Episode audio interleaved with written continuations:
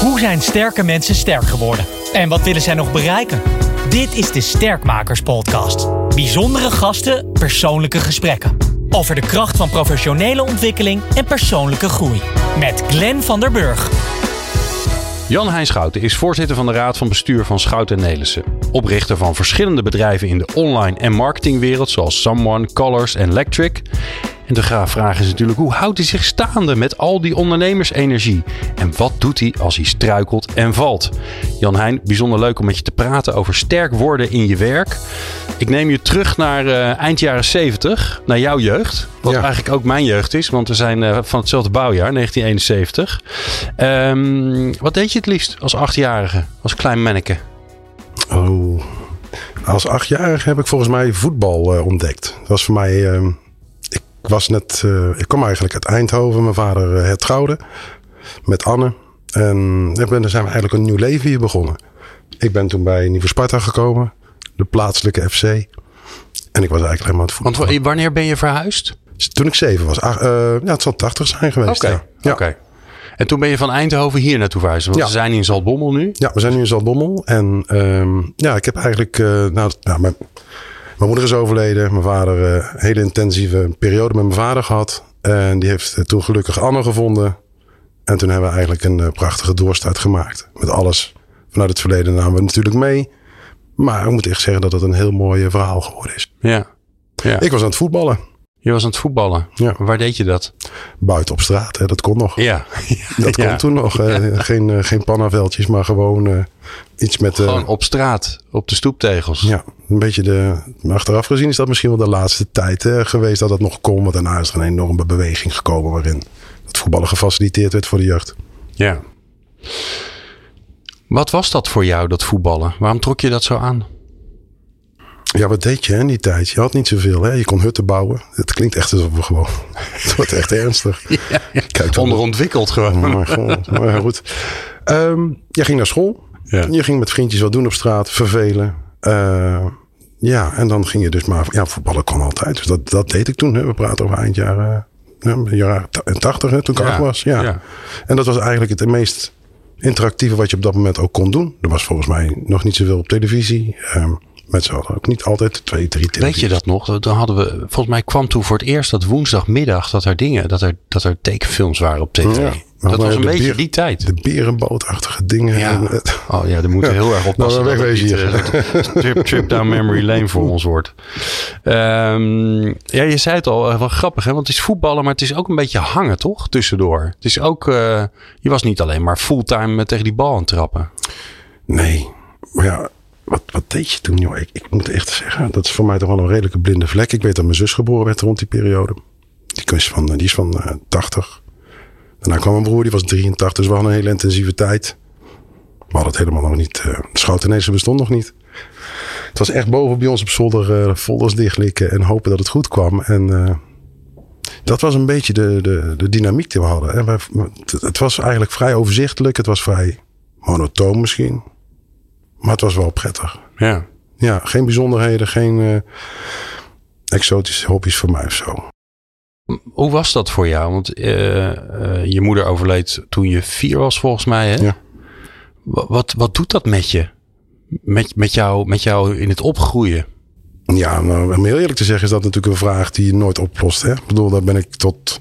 Eigenlijk toen ik rond de 40 is dat een vraag geweest die heel erg naar voren is gekomen voor mij. Niet zozeer van what if, maar meer van... Oh, wat is hier eigenlijk gebeurd? En je hebt natuurlijk altijd een kindbewustzijn en een volwassen bewustzijn. En de boel bij elkaar houden. En survival mode-achtige vragen. Nou, wat doet het? Het heeft ongetwijfeld impact gehad. Het kan niet zo zijn dat je moeder bij een vierjarig kind kan wegnemen... en dat het geen impact heeft. Ik kan wel zeggen dat ik een hele stabiele jeugd heb gehad... met heel veel liefde en heel veel positiviteit. En dat laatste is echt een keyword voor mij. Ik ben onwaarschijnlijk positief opgevoed. Ook mijn broer en mijn zus ook. Natuurlijk was er wel eens wat aan de hand thuis, maar er was wat spanningen. Maar dat is wel dat optimisme. Je kunt het, wat goed. Wat fijn. Um, als je maar in jezelf gelooft, van jezelf houdt. Dat waren eigenlijk altijd de kernvragen. Ja. Dus of dat nou kwam door het overlijden en hè, de periode die ik met mijn vader alleen geleefd heb. Of omdat het gewoon um, bij ons hoorde als gezin. ja, dat heeft later ook echt wel zijn, uh, zijn vruchten afgeworpen. Ook zakelijk, maar ook mm. in keuzes maken. Persoonlijk leiderschap. Want jouw vader, wanneer is hij begonnen met Schouten Nederlandse? Wanneer, want je zei foldertjes dichtlikken. Was dat eind, jaar, eind jaren zeventig dat hij een beetje begon met ondernemen? het begon eigenlijk, hij was, uh, nou het was heel bizar. Je moet je voorstellen, mijn moeder, Anna kwam ergens vandaan. Mijn moeder, zal ik die nu maar noemen. Dat is ook mijn moeder. Uh, die, uh, die kwam ergens vandaan. Uh, mijn vader kwam ergens vandaan. Die moest ergens een plek zoeken. En dat ging ergens geloof ik tussen Vlijmen of Zalbommel. Want dat lag in het midden. En toen uh, zijn ze hier naartoe gekomen. Mijn vader werd inmiddels had hij ontslag genomen bij het PSINIP, want dan was hij boos. En Anne die had toen een logopedie-praktijk. ja, toen zijn we hier maar gewoon, zijn we gewoon maar begonnen. En um, toen kwam volgens mij de Avro. Het was niet Teliac, de Avro. Om 11 uur met de vraag of er iets kon gebeuren rond assertiviteit. Die is op tv geweest om 11 uur s'avonds.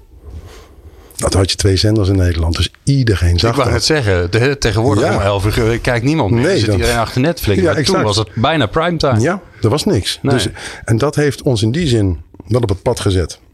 En dat was best wel lelijk, hè, want het was heel erg wetenschappelijk en uh, het was allemaal wel best intellectuele wereld. En... Is het nog ergens? Heb je, staat het nog ergens? Dat staat zeker. Dat ja? kun je op YouTube. Je kunt oh, precies die hele cursus kun je gewoon integraal zien op YouTube. Oh, zeker weten. Ik zou hem zeker aanraden, want hij is hartstikke relevant nog. Dat is nog het bijzondere. Um, en daar hebben eigenlijk de, uh, vader op een gegeven moment wel gezegd, nou we gaan geld lenen en dan gaan we gewoon maar proberen dit naar het bedrijfsleven te brengen. En dat vonden ze natuurlijk niet allemaal overal even leuk. Maar bij ons zijn er dubbeltjes geweest die net in de juiste volgorde op de goede kant vielen. En stap voor stap, val voor val, ja. opstaan voor opstaan en weer door. Je vader is belangrijk geweest in je leven. Dat kan, dat kan niet anders. Zeker omdat jullie samen ook een, een, een periode hebben gehad. Hè, tussen je, nou ja, je vierde en je zesde, zevende, zevende zo'n beetje. Dat jullie met z'n tweetjes waren. Maar ja, die gaat dan vervolgens ondernemen als een dolle. Was, was hij er dan nog voor je? Nou, over mij? Ja. Nou ja, kijk, de, de hard werken, dat, dat was toen vrij normaal. Hè? Ja. Ik bedoel, uh, dat betekent vijf dagen in de week werken, veel praten over het werk, uh, s'avonds nog een training doen. Maar als ik zaterdag moest voetballen, was hij er altijd. Okay. Ja, dus dat was altijd wel het verbindende moment. Altijd was hij daar op zaterdag. En ja, we waren ook wel hecht als familie. Pa zit in de voorkamer, werken. Wacht een keer een kop koffie, nog een keer een kop koffie. En hoe is het? Nou, lekker. Nou, we hadden heel erg het gevoel als jij het goed hebt, dan heb ik het ook goed. En dat was wel heel prettig. Dus ik had altijd wel contact. Hij werkte hard, maar om nou heel de tijd je vader om je heen te hebben op die leeftijd is ook niet nee, nee, nee, nee, nee. Je moet een beetje, ja, dat is tegenwoordig volgens mij juist andersom. Hè? Loslaten, loslaten. Ja. Wat, heb je, wat heb je meegekregen van je ouders? Nou, ik heb daar net al heel even kort uh, iets eh, over gezegd, maar ja, je kunt je niet voorstellen wat optimisme en geloof en positiviteit doet met, um, met een mens. Hoe jong die ook is. Er zijn natuurlijk heel veel studies over geweest, maar gewoon laten we het even praktisch houden. Uh, wat leuk om je te zien. Hoe was het? Um, niet, ja, gewoon ook als je het even tegen zat. Geloof er maar in. Niet, niet, ook niet gaan zeggen dat de andere partij ongelijk heeft. Maar altijd op jezelf betrekken. Die positiviteit, je kunt het. Doe maar, ga maar. Dat was echt wat ik. Klinkt als vertrouwen. Ja, maximaal. Ja. ja. En dat gaf ook heel veel vertrouwen. Want dan weet je ook van: oké, als het nou onverhoopt niet goed gaat, dan zijn deze mensen er altijd. Ja, ja. dan heb ik, krijg ik geen glazer, maar dan krijg ik een luisterend oor. Of, uh... Ja, ik heb heus wel dingen uitgevreten waar ze van tevoren niet hadden gezegd: doe maar. Maar uh, dat werd dan ook altijd Zoals... wel op een. Och, joh, ik kan me eens een keer herinneren dat ik de buren waren met vakantie en ze waren bij ons aan het verbouwen. En toen had ik een soort. Uh, hadden we ontdekt hoe je cement moest maken. Toen heb ik ja. bij de buren werkelijk alle ramen vol met cement gegooid. Oh. Maar dat begint met één druppel en dat was helemaal. Uh, en dan moest ik het schoonmaken. En toen, weet je, dan moest ik het ook naar die mensen toe. En sorry. En het, wat was de bedoeling? En, ja, ja. Maar dus Heel leerzaam. wel waardig. Altijd waardig. Dus niet een klap op je oren en je kamer. Nee, gewoon. Hoe gaan we het oplossen? Ja. Mooi. Ja. Um, je, ga, eens even, mee, ga even met me mee naar, naar je puberteit. Dat is natuurlijk een belangrijk moment. Want dan, uh, dan, uh, ja, dan, ga, dan ga je loskomen van je ouders. Ja. Uh, dan ga je ja, loskomen een beetje van het gezin ook. -huh. Hoe was je als puber? Nou, dat was een hele bijzondere periode. Ik bedoel, dan praten we rond uh, 12, 13, 14. Ja, ik weet niet wanneer het ligt er wanneer. Ja, ik weet niet wanneer puber, dat weet Ja. je niet. Maar dat was voor mij rond die koers dat ik de lagere school verliet. Ik had volgens mij... eh, Weet je toen al recalcitrant? Nou, dat had bij mij wat verborgen kanten. Dat was wel bijzonder. Ehm, kijk, als je ruimte hebt voor jezelf, dan wil je natuurlijk zo min mogelijk delen. Want anders gaat iedereen zich er toch tegen me aan bemoeien. Dus in die periode ontstond er een situatie dat ik eh, van de lagere school ging. Ik kreeg volgens mij een advies, gymnasium. Nou, praktisch was het om naar het ateneum hier lokaal te gaan. want Dat scheelde mijn reizen. Maar ik vond het zo geweldig op die brugklas. Er kwamen jongens uit Poederooi op de fiets. En het ging voor mij een wereld open. Ik had advies dubleren of MAVO. Ik moet je voorstellen. Na het eerste jaar. Na het eerste jaar. Ah, Blijven kijk. zitten. Dus ik moet je voor, ik vertrok dus gewoon uit een... Maar ik vond het leven zo leuk. En dan, nou, dan ga je ook wel een beetje wachten met je rapport. En Ah, ja. Ja, tegenwoordig nee. kan dat allemaal niet meer. Nee, want die dat- ouders weten het eerder dan de kinderen. Maar toen kon je nog wel eens een keer zeggen... Nou, rapport, ik weet ook niet wat er aan is. Of ik ben het kwijt. Of eh, dan kon je in die tijd kon je lekker vertragen. Nou, toen... eh, nou, die- dat, dat was een periode waarin ik dus echt gewoon twee jaar lang heb lopen kloten. Want ik ben ook nog blijven zitten in twee MAVO. Dus ik had die tijd gewoon nodig. Dat, en toen kwam daar weer het, het, het, sorry, het pure vertrouwen. Dat maakt niet uit waar je begint, maar waar je eindigt. Het is een reis die je maakt. En dat hadden ze wel heel erg goed door. En dat komt wel. Dat komt dan wel op het moment. Als dit, Maar neem eens mee. Jij komt thuis. Op een gegeven moment moet je toch met dat rapport naar huis. En anders komt iemand anders wel met en het ik heb nieuws dus altijd op een dinsdagavond. Dat is, waar? Ja, dat is Ja. altijd een dinsdagavond. Ja. Wat gebeurde er dan? Hoe, reage- hoe werd er dan gereageerd van, eh, als je met, eh, met een soort toto-score thuis kwam? Ja, dat was wel twintig minuten natuurlijk. ja, was wel even heel pittig. En dan, moet je, dan weet je ook van ja, het is ook eerlijk. Het was ook wel een opluchting dan. Hè? Het is ook wel, ik ben wel blij dat ze het weten. Het is ook wel heel slecht hoor. Hè, de cijfers waren heel slecht. Ja. Maar dat ze dan. En dan weet je op een gegeven moment: oké. dit is een moment waar ik van moet leren. Dit wil ik eigenlijk nooit meer. En ehm, ze hebben gelijk, want dat is ook heel helder. Ja. Wat ga ik hier nu uithalen? Maar kan dat inzicht dan, zeg maar, Meteen. eind 2 MAVO dubleren? Dat je dacht, Ja. hmm, oké. en toen nu- ben ik echt nu- als een raket gegaan. Maar dat was dus blijkbaar de bodem. Dus dat eerste jaar eh, gymnasiumadvies, beginnen in de brugklas. eh, je mag kiezen, blijven zitten of MAVO. Dat was nog niet heftig genoeg voor nee, je. moest nog een, moest er een jaar Moest nog bij. even, even een, even een tre- treedje dieper. Ja, Moest je. ja. En toen heb ik een... eh, ja, toen ben ik eigenlijk door het geluid gegaan. Dus de MAVO, HAVO, VWO. Je hebt die in die volgorde heb je ze gedaan. Ja. En wat is het dan? Want dit soort verhalen hoor je tegenwoordig ook vaak. Hè? Vooral bij jongens. eh, waar dit het huidige schoolsysteem nou ja, Mhm. niet echt heel erg geschikt voor is. Waarschijnlijk vroeger ook niet. Eh, maar nu al helemaal niet. Omdat iedereen eh, nog veel meer ruimte en vrijheid ervaart. Ehm, wat maakt dan toch dat je door bent gegaan? Want er zijn er ook genoeg die blijven gewoon, die, hè, nee, ook niks mis mee, maar die gaan naar de MAVO en die denken, joh, ik ben er klaar mee, ik ga lekker werken en zoek het uit. Ja, dat was bij ons in ieder geval... Dat voelden we allemaal wel. Dat, dat, dat, dat werken en wennen aan geld. Daar was ik ook iets te jong voor. Dat dat geen route was. Dat is wel iets wat ik ook nu nog wel tegen de generatie van nu ook. Hè, dicht om mij heen. Rond 16, 17. Ga ik leren. Leren stom. School is saai. Nou, die trek ik er wel doorheen. Van ja, luister. We gaan niet wennen aan het geld. Nee. Want dan stopt het. Ja. Nou, dat was bij ons sowieso ook. Dus ik was, was ook niet, we waren niet van die. Ik kan me voorstellen als je een, bijvoorbeeld een arbeidersgezin of arbeidersgezin, een hardwerkend gezin met een aannemersbedrijf bijvoorbeeld, dat Ja. het dat wat makkelijker is. Dat je blijft hangen.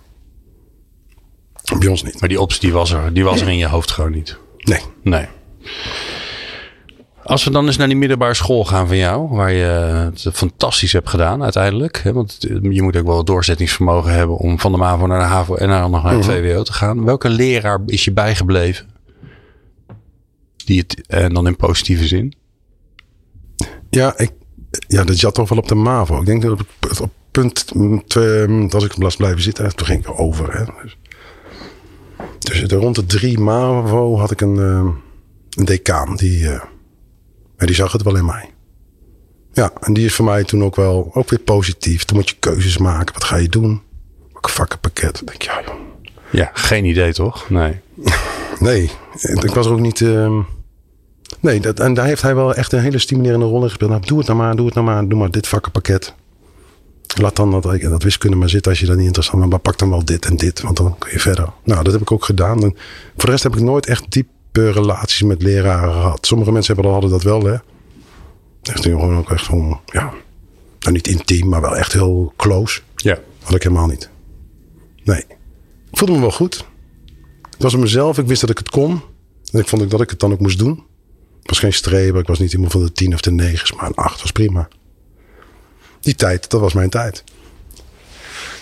In alle opzichten was het jouw tijd? Was het gewoon ook een toffe tijd? Want je hebt lang op de middelbare school gezeten dan. Acht jaar als ik snel ja, reken. Ja. En blijven zitten. Ja. Negen jaar.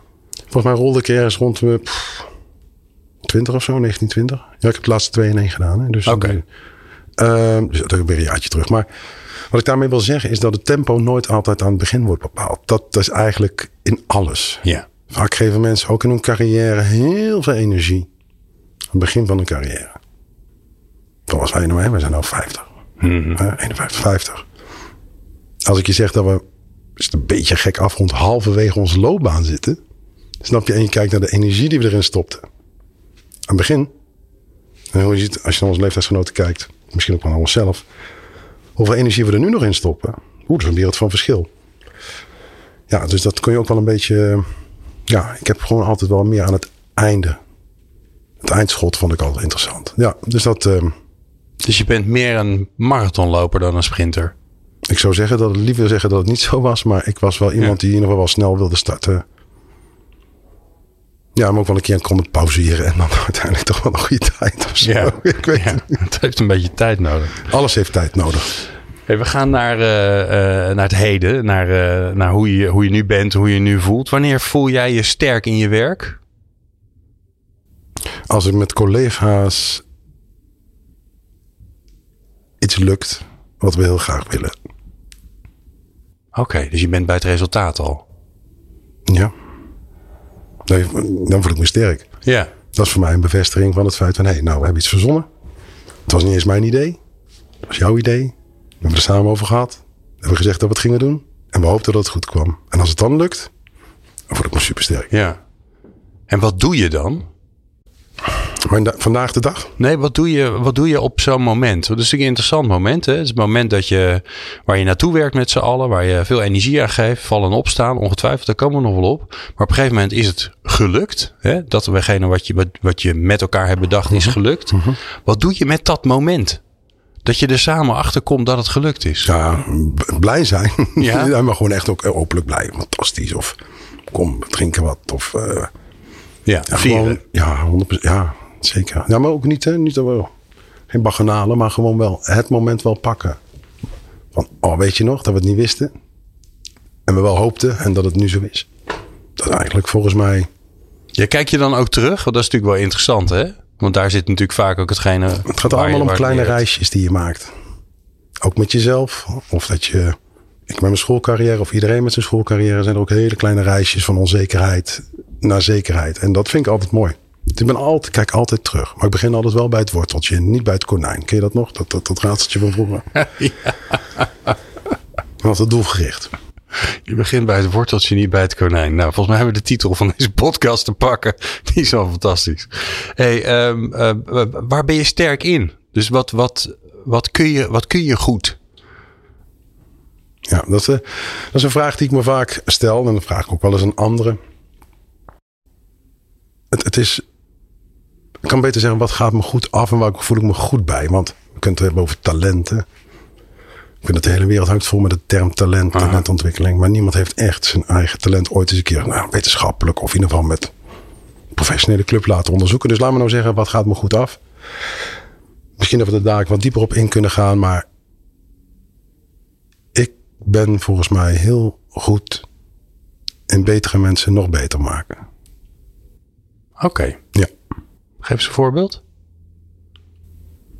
Nou, ik geloof vaak meer in andere mensen dan mensen in zichzelf. En dat kan soms in relaties zo zijn. Maar in het werk ook. Ik ben echt wat dat betreft hopelijk ook wel een beetje een sterkmaker geworden. Vroeger is mij wel een bepaald cruciaal moment in mijn leven geweest. Hier ook binnen het werk. Maar dat ik toen wel echt die knop helemaal omgedraaid heb. Maar vertel er eens over. Wat was dat? Goed, dan maken we een klein sprongetje. Ik, kom, ik had HBO communicatie deed ik in eh, Amsterdam, Diemen. Internet kwam op. ik wilde eigenlijk niet zoveel met uh, Schouten en Nederlands te maken. Want ik had het wel gehad na al die jaren. Ja, maar je zit daar het middenin oh, natuurlijk. Tussen de soep en de aardappelen door ging het overal. En gegeven dat genoeg. Het was ook nog een keer de tijd dat het... Um, je moest het allemaal zelf doen, hè? Dat was allemaal een beetje nog dat afzetten tegen je ouders. Tegenwoordig is een grote kruiwagen overal. En dat is ook prima. Dat is veel makkelijker. Ja. Toen was dat echt nog, nee, zelf. zelf. Ja, 90s. Ja. ja, exact. Nou, toen was ik dus op die studie. En toen kwam hier een vraag, internet kwam op. Nou ja, toen was het internet echt nog heel rustig. Hè. Er waren HTML-pagina's die aan elkaar geknopen werden met een homepage. En dan mocht je nog een telefoonnummer. En toen maar. Ja, als je een telefoonnummer kon achterlaten, was al heel erg hip. Hè? Hip. Jeetje, knap. Dat, dat, kon je dan opzoeken, hè, overal ter wereld. Nou, ja. Dat, dat was shocking. Daar, kunnen ze nou, daar kun je nou niet meer mee aankomen. Dat was toen een. Mijn vader die vroeg: Wil je niet in een projectgroep voor internet gaan zitten? Ik zei: Nou, potverdomme. Dat hangt dan toch weer aan die familie. En dan. Mm, mm, mm, ja, toen dacht ik: Ja, maar die projectgroep kan altijd nog ontbonden worden. Nou, lang verhaal, kort verhaal. Ik blijf in die, ik ga die projectgroep in. Met twaalf man groot. Er was een beoogd directeur die had een burn-out, die stapte eruit. Ik werd primus inter pares. Ik wist niet eens hoe je het moest spellen of wat het betekende. En toen was ik met twaalf man groot en toen heb ik een gigantische burn-out gehad. Hoe oud was je? 26. Oké. Okay, ja, de 12 mensen is ook echt een hele lelijke. Want het is namelijk net te veel om bij te houden. En net te klein om het helemaal te zeggen dat het niet lukt. Dus ja, zo ben ik um, op een gegeven moment tegen iemand aangelopen. Die binnen het bedrijf werkt. En die zei tegen mij: Ja, maar Jan Heijn, je kunt er ook helemaal niks van. oh, dat is interessant feedback. Oké. Maar ik wist, dan komt er altijd wel weer iets goeds. Ja, ja. En toen zei hij: Nou, luister. Focus je nou, geef nou om te beginnen eens toe dat je het niet alleen kunt. Begin daar nou eens mee. Neem vervolgens alleen maar mensen aan die beter zijn. Of neem mensen aan die alleen maar beter kunnen worden. En eh, maak het jouw taak om die mensen altijd beter te houden. Dus niet op macht te gaan zitten. Uh, niet om ze te belemmeren, maar gewoon ze te voeden. En probeer ook die talenten die je aantrekt, ook gewoon op dat niveau te krijgen. En dat gaf mij zoveel lucht, meteen. En wat was dat dan? Wat, wat, want wat zat je dwars waardoor je in die burn-out kwam? Ja, een burn-out, dat, dat is niet iets wat je op dat moment kunt pakken van dat ligt daar en daar. Het is vaak een factor. Eigenlijk doe, je, eigenlijk doe je gewoon dingen die je niet wil of kunt. Dat is een beetje. Want hij had gewoon, uh, was het een hij van zij? Hij. hij, was hij, hij, had gewoon gelijk. Dat hij is, ja, je kunt er niks van. Hij was mijn mentor hier. Hij is helaas overleden, maar hij heeft mij in ieder geval de les van mijn leven gegeven. En hij zei van, stop nou met altijd voorop willen lopen. Ga in teams denken. Ga denken in, in, in groepen. En ja, probeer die mensen te stuwen. En probeer te praten over waar je naartoe wil als organisatie. En probeer ook open te staan voor suggesties. En ga niet de baas zijn. Draai de piramide om. Ook heel mooi. Niet al die mensen werken voor jou. Als je dat nu zou zeggen, dan zou iedereen denken: ja, dat we weten wel wat dat is. Dat is hartstikke hip. Maar dit is natuurlijk. Nee, dat, doe, ik, is, dat is 24 jaar geleden. Ja, en dat is voor mij echt ja. maximaal. Dus ondernemerschap aanmoedigen. Wel af en toe vragen stellen. Van hé, hey, hoe zit het? En dan, uh, en dan, en dan um, waar kan ik je mee helpen? Uh, gaat het goed? Neem je wel rust? En ook, bepaalde mensen ook een groep geen vakantiedagen bij ons. Ik vereis gewoon dat ze goed voor zichzelf zorgen. En dan gaat het hartstikke goed. ja. Dus eigenlijk zeg ik wel eens voor de grap als ik zou mogen zeggen dat ik groot ben geworden, laat ik het zeggen, zakelijk succesvol ben geworden, is dat eigenlijk omdat ik er niks van kom. Dat is toch ook prachtig. Dus die, dat moment dat jij omviel, wat gewoon een heftig moment is, want je lijf geeft het op door wat je aan het doen bent. Hè? Dat vind ik altijd het heftige van een burn-out. Dat je vaak is het zo dat het juist mensen zijn die vol energie ergens in zitten. En, en omdat ze iets willen bereiken. Heel loyaal zijn, ook vaak. Ja, loyaliteit en uh, bevlogen. dat zijn allemaal mooie termen, maar daar kun je ook last van krijgen. En ik hoor je eigenlijk zeggen, dat heeft, heeft mij gemaakt tot wie ik nu ben. Ja. Want daardoor heb ik heel veel geleerd. In alles. Ja. Eh, dat is heel gek, ja. Ja, mooi, toch? Ja, super mooi. Voor mij in ieder geval echt een, een moment wat een keerpunt geweest is, ja. Ik heb een beetje op, uh, op internet, dus leuk, het internet. Ja. wij praten daar anders over dan, dan jonge mensen tegenwoordig. Maar voor ons is het nog steeds het internet. Het internet. Hebben daar, ik heb eens op zitten kijken wat je allemaal gedaan en opgezet hebt. Dat is best veel. Um, Maar dat is ook bij jouw broer zo. Die heb ik nog niet geïnterviewd, Willem. Maar daar, daar praat ik wel mee, omdat hij de bedenker is van deze podcast. Mm Waar komt dat gestoorde ondernemerschap van jullie vandaan? Want het is niet normaal. Als je bij jou al ziet wat voor bedrijfjes er uit de grond. Ik zeg even bedrijfjes, maar dat is, daar bedoel ik niks mee. Maar de, wat je uit de grond gestampt hebt. En als je dan ook nog eens een keer hoort wat je, wat je broer allemaal voor elkaar hebt gekregen. Je zus hebben nog niet gesproken. Dus dat weet ik nog niet. Wat is dat? Ja, kijk, op het moment dat je dus voor mij in dit geval, als ik dus op een gegeven moment weet, oké, we hebben een idee en ik moet daar goede mensen bij zoeken en die moet ik heel goed houden. En dan kan ik eigenlijk vrij makkelijk door. Maar de inspiratie en de creativiteit, die zitten wel in bij ons. En ja, dan, dan, heb je, dan komt er een periode dat je een tomeloze energie hebt natuurlijk. En dan dat doen, nou, wat dat doen. Of dat zou mooi zijn, of dat hebben de mensen nodig, of dat vinden we leuk, of, of dat past bij ons binnen een bedrijf. Maar goed, dan, dan, dan ga je er bij zoeken. En is het dan juist omdat, je, omdat hè, wat je zegt, ik heb redelijk vroeg geleerd dat ik niet zelf moet gaan rennen, maar dat ik gewoon een goede, goede club moet maken. En daar een tijdje bij blijven totdat het eigenlijk gewoon prima loopt. En dan, dan, ga, ik weer, dan ga ik weer wat anders bedenken, opzetten. Ja, maar ik ben er altijd voor de mensen hoor. Het is niet zo dat ik ze loslaat en laat verdrinken. Maar op een gegeven moment zitten ze ook niet meer wat minder op je te wachten. Nee. nee. Dan bellen ze jou. Hé hey joh, kun je nog even helpen? Of hoe zie jij dit? Ja. En waarom hebben ze wel het gevoel dat je ruimte nog voor ze hebt? Want dat lijkt me nou een ingewikkelde. Je bent de baas op een gegeven moment. Mm -hmm. Je bent lang de zoon van de baas geweest. Ja. Nog ingewikkelder. Ja. Uh, je bent heel, veel, heel lang dichtbij bij zo'n nieuwe club die je opzet. En dan ineens, of ineens, ja, dan moet je, moet je, moet je loslaten. Moet je afscheid nemen. Ja. En dan nog, maar nog wel bereikbaar zijn. Ja. Dus de drempel moet er niet zijn dat ze je niet gaan bellen. Hoe zorg je daarvoor? Dat ik eigenlijk altijd op een. Nou goed, dat is eigenlijk niet eens iets wat ik afspreek met mezelf. Maar ik probeer altijd heel erg op het, op het hartniveau te praten. Dus niet op het voorhoofdniveau of op het kindniveau, maar echt op. Ik ben gewoon gelijkwaardig. Alleen, ik, wij hebben afgesproken dat ik ga over dingen die jij misschien nodig hebt om voor jou nog succesvoller te zijn. Dus ik, ik haal dat hele baaschap eruit. Ook al hebben ze soms wel een baas nodig. Mensen hebben dat ook nodig. Ja, ja. Maar die rol, die, die kaart, die wordt nooit getrokken of gespeeld. En je zegt, ik doe dat op hartniveau. Wat zie ik je dan doen? Dus uh, probeer het concreet te maken. Want voor jou is het heel logisch. Nou, ik kijk, ja. Ik vind intentie heel belangrijk. Op het moment dat ik merk dat je voor politiek bezig bent. Of dat je... Dan, heb, dan hebben we een ander type gesprekken. Oké. Maar als ik weet dat jij bijvoorbeeld vastloopt in een ambitie die gewoon echt wel gedreven is vanuit een goede intentie. En dat het niet lukt, ja, dan gaan we toch geen moeilijk gesprek hebben. Ik, ik heb in China een bedrijf gehad. Want er was toen nog heel verstandig om in China een bedrijf te beginnen.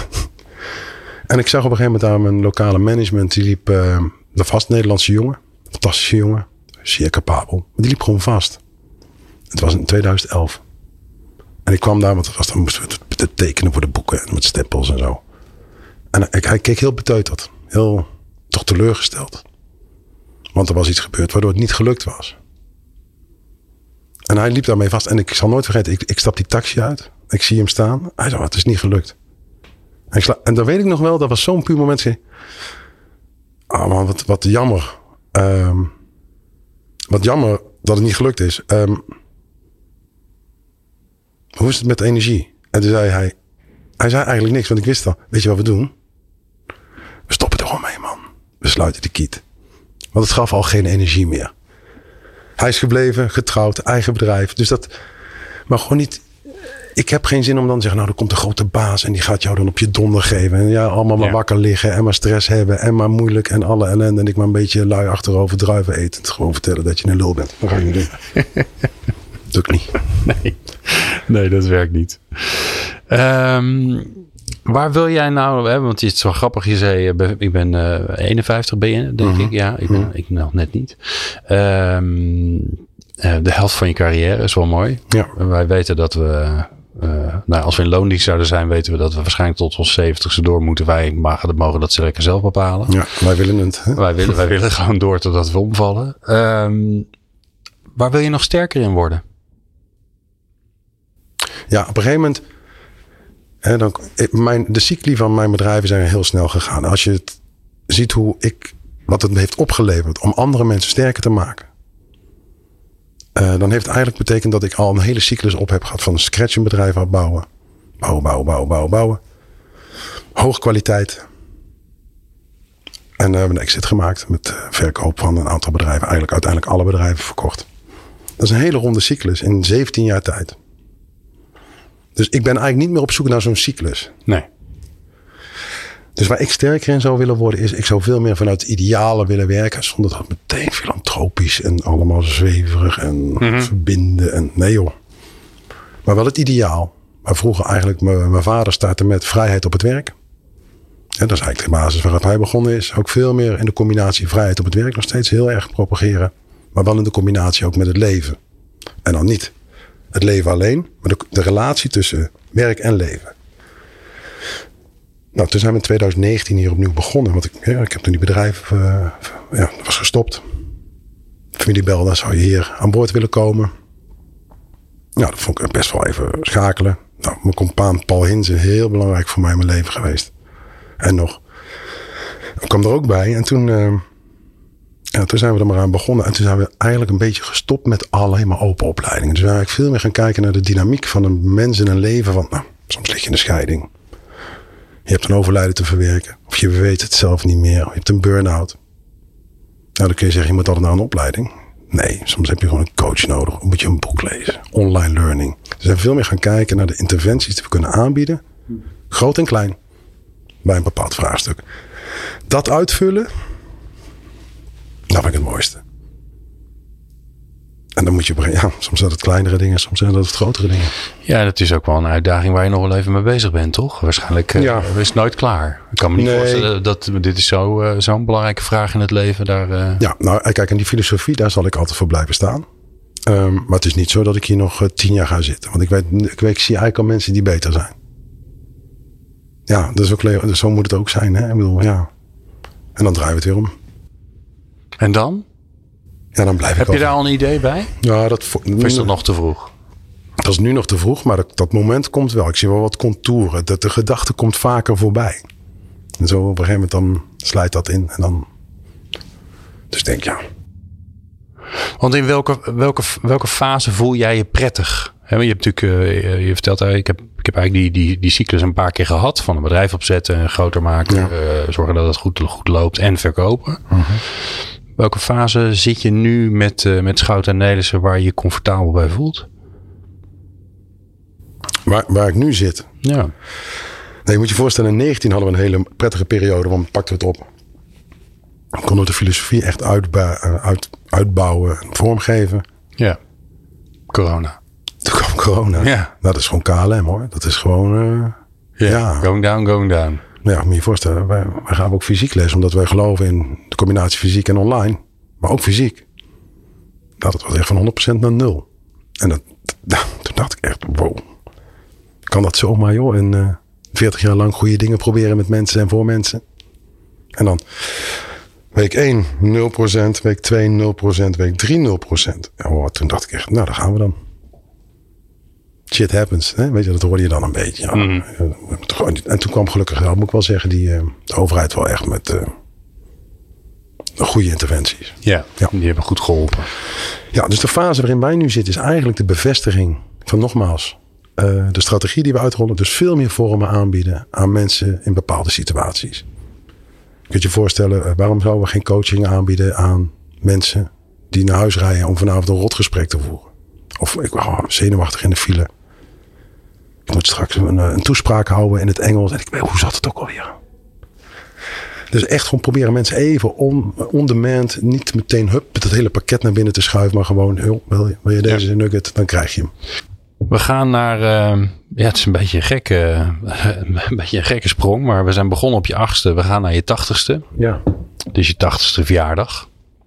Het gaat nog onwijs goed met je. Oh, je, bent nog, je, bent, je, bent, nog hartstikke fit. Ja, ja uh, 80 hè? Ja, je bent 80, maar je bent nog steeds fit. Hè? Okay. Ik ben net bij Eric Clapton geweest. Die is 77. Die kan nog steeds uh, fantastisch spelen. Oh, goed zo. Jij kan dat ook. Je speelt niet zo goed gitaar als Eric Clapton. Maar je bent nog steeds hartstikke fit. Ja. Um, je hebt een mooi feestje georganiseerd. Uh, familie, vrienden, bekenden. die zijn er allemaal. Mhm. Natuurlijk wordt er gespeecht. Wat wordt er over je gezegd op je tachtigste?